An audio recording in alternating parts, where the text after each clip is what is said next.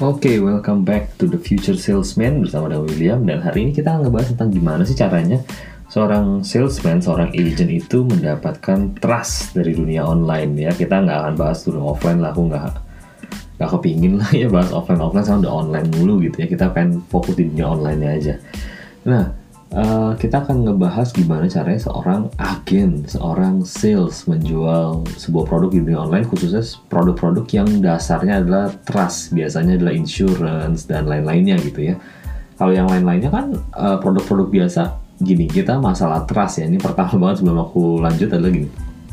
Untuk produk yang resiko produknya tinggi, bisa aja, misalnya bukan masalah harganya aja, masalahnya itu juga barangnya itu nggak kelihatan ya kayak insurance itu kan problematik banget untuk dijual. Kenapa? Karena barangnya aja nggak kelihatan. Gimana cara kita ngebangun trustnya gitu ya kalau misalkan barangnya aja nggak kelihatan? Kalau rumah gitu agent property kalau udah bilang kan ah enakan jual rumah Will kenapa emangnya? Barangnya ada. Kelihatan gitu makanya lebih gampang jualnya meskipun harganya lebih miliaran. Tapi kalau produknya bagus alias rumahnya keren rumahnya bagus orang yang punya duit yang mereka willing untuk bayar karena bisa langsung dinikmati ya kan? Beda sama insurance. Insurance itu adalah salah satu produk yang menurut aku pribadi ya. Salah satu barang yang agak susah untuk dijual sejujurnya. Aku juga bingung sih kenapa. Agent asuransi kalau ngomongin uh, prospek gitu yang lagi rekrut orang kayaknya kesannya jual asuransi itu gampang gitu. Personally sih buat aku jual asuransi itu nggak gampang. Kenapa? Karena barangnya nggak ada. Ya kan? Apa yang mau dijual barangnya nggak ada gitu. Apa yang mau dikasih lihat barangnya nggak ada yang kita bisa kasih adalah bukti bahwa perusahaan asuransinya akan bayar gitu ya. Nah sekarang gimana caranya bikin orang percaya? Nah biasanya agent-agent yang udah agak-agak senior akan lebih nyaman gitu ya untuk bangun trust secara offline gitu ya ngajarin cara bangun trust secara offline building rapo segala macam bla bla bla tapi kita kalau ngeliat agent-agent yang senior ketika ngajar yang baru-baru gitu ya kayaknya kesannya dibuat gampang ya karena simple sih menurut aku sih alasannya super simple bahwa ya mereka karena sudah senior uh, kredibilitasnya udah ada orang-orang udah percaya nasabah-nasabah percaya bukti-bukti klaimnya ada testimoni-testimoninya ada ya jelas gampang untuk bangun trust. Jelas gampang dapat referral. Lah bayangin coba sekarang kalau ini agent baru aja bergabung Oke, baru saja bergabung dengan perusahaan asuransi dan diajarin hal-hal seperti itu buat aku apakah itu akan jadi hal yang gampang untuk dibangun rapor-rapor barunya lagi? Enggak lah. Gitu ya, contoh nih, agent yang baru itu kan secara skill, secara knowledge-nya aja nggak seperti agent-agent lama. Akses network ke manajemen dan lain-lain aja nggak sebanyak teman-teman yang di asuransi yang sudah lama gitu ya. Misal, ya kan kita uh, ada mau klaim sesuatu perusahaan nggak mau klaimin tapi kita bisa ributin kita bisa berantemin kita bisa berdebat dengan perusahaan supaya kita menangin case nasabah itu kan ada case-case yang begitu juga. Tapi kadang-kadang kalau agent baru kan ya udah nggak diklaim ya udah nggak diklaim. Oh harganya jadi segini ya udah harganya jadi segini ngikut aja.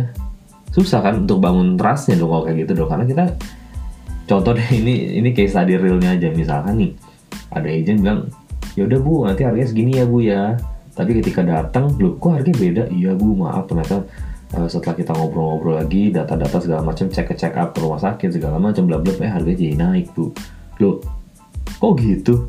Ya kan? Itu kan merusak experience gitu kan. Nah terasa jadi kebangun nggak? Obviously nggak.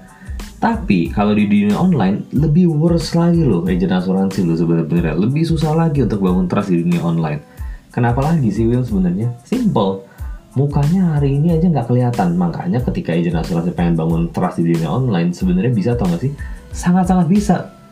Ya kan? Sama seperti bisnis-bisnis lainnya ya kan? Konsultan-konsultan lainnya semua dapat kok. Leads bahkan banyak agent asuransi dapat jualan online kok tanpa pernah ketemu muka sama nasabahnya.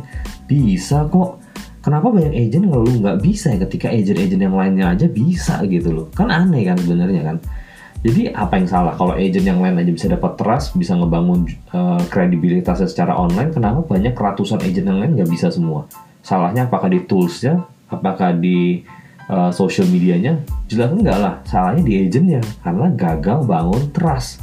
Nggak ngerti cara bangunnya sedangkan agent-agent yang bisa adalah agent-agent yang ngerti trust itu komponennya apa-apa aja di social media.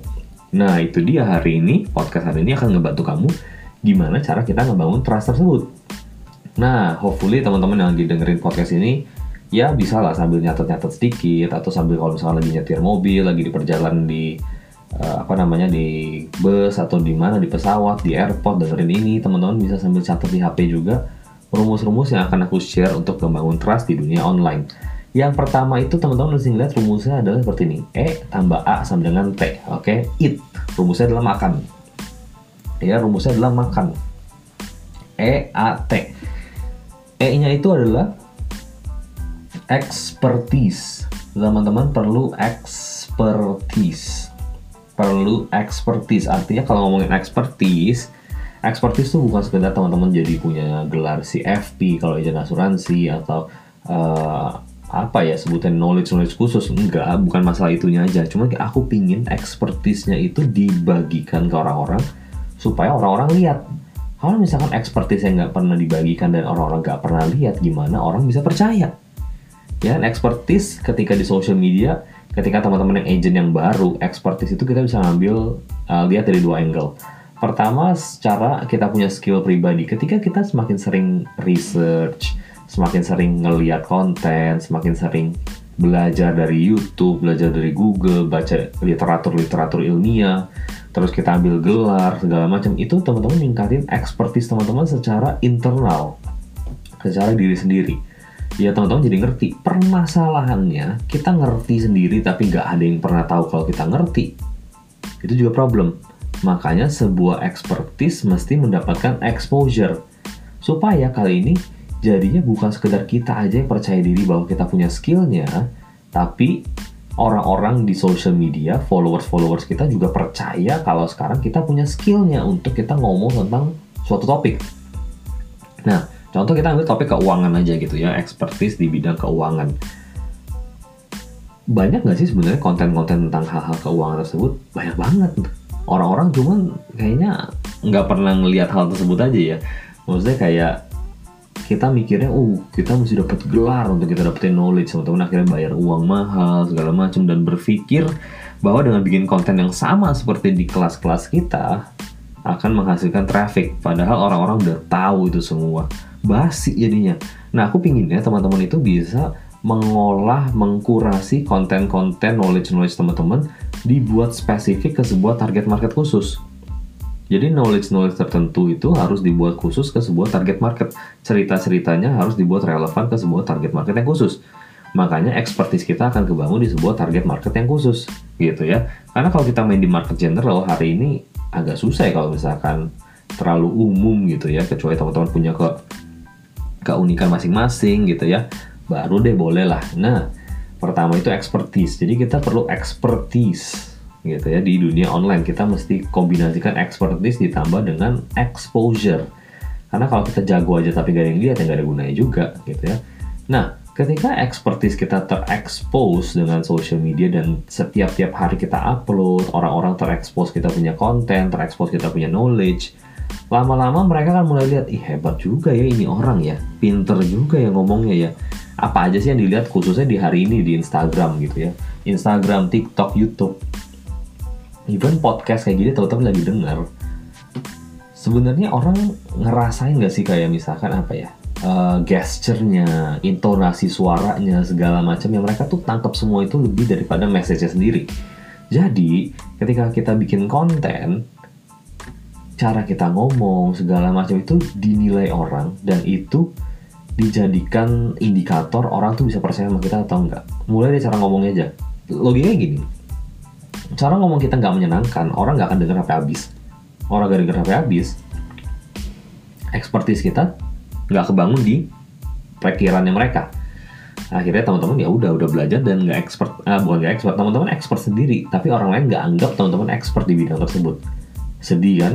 Nah ya berikutnya lagi setelah E kita punya A gitu ya. A itu ngomongin authority otoritas itu penting banget sebenarnya karena gini logikanya sekarang kalau teman-teman dengar William lagi ngomongin tentang hal ini tapi kalau seandainya teman-teman lagi dengerin aku terus aku tiba-tiba ngebahas tentang fashion nah, aku ngebahas tentang cocok atau enggak pakai baju seperti ini merah sama kuning dicampur aduk oke okay atau enggak warna-warna segala macam kira-kira teman-teman percaya nggak sih misalkan aku ngomongin sepatu ngomongin tentang uh, apalah teman-teman kemungkinan terbesar nggak akan percaya tapi seandainya Ivan Gunawan yang ngomong kayak teman-teman akan lebih percaya Kenapa? Karena Ivan Gunawan punya otoritas atas topik tersebut. Ivan Gunawan punya otoritas atas topik fashion. Pertanyaannya hari ini teman-teman agent asuransi, agent properti, agent MLM atau sales yang lain, kita punya nggak sih otoritas untuk ngomongin hal tersebut di dunia online? Nah ini bedanya antara teman-teman sales offline dan online. Kalau kita offline kita nggak terekspos dengan media di mana akan ada orang-orang disebut sebagai audience tapi ketika kita masuk online, ada orang-orang yang kita akan sebut sebagai audience dan mereka belum tentu beli. Mereka baru mau kenal kita dulu, baru mau dengerin pikiran kita ngomong. Tapi kalau kita offline, orang yang ngajak kita ketemu adalah calon customer. Oke, calon customer dan juga calon user dari produk yang kita jual atau service yang kita berikan.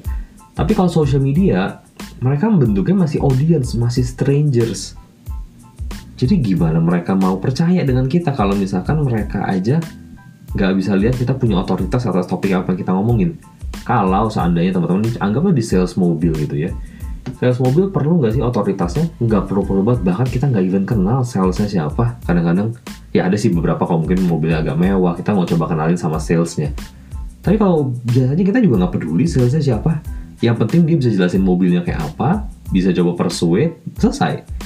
Karena kita datang sebagai orang yang penasaran pengen beli mobil bukan penonton kalau teman-teman di social media jadi Fitra Eri beda lagi kelasnya Fitra Eri harus punya otoritas atas topik apa yang dia ngomongin.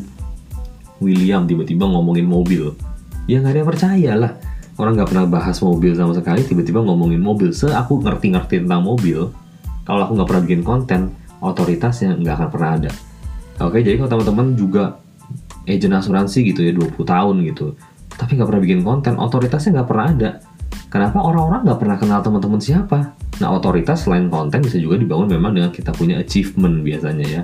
Wah, MDRT, COT, CFP dengan segala macam hal-hal yang mungkin orang-orang juga nggak ngerti itu apaan gitu ya. Tapi at least mereka lihat teman-teman punya pencapaian. Ya.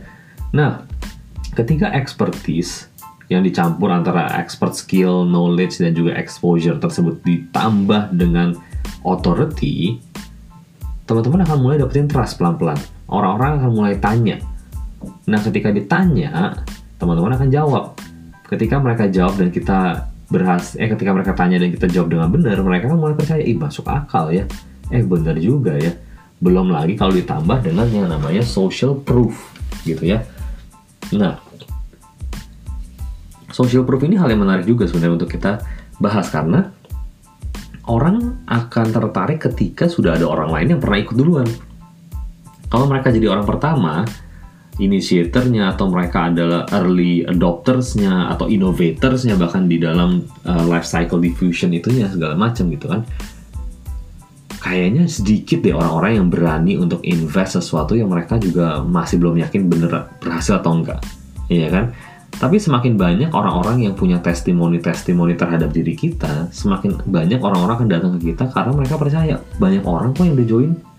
Nah, itu akan nyambung ke customer journey di tahun-tahun sekarang gimana orang beli barang. Salah satunya adalah online review. Makanya itu kenapa aku suka bilang ke agent ke sales punya deh coba deh website pribadi deh untuk kumpulin review kita salesnya apa uh, testimonial kita pendapat orang-orang tentang kita. Itu tuh wajib punya juga loh meskipun nggak seaktif itu kita pakai tapi kita mesti punya juga. Karena ketika kita mau coba share sesuatu kita ngumpulin testimoni orang-orang yang kita kasih ke calon prospek kita nanti.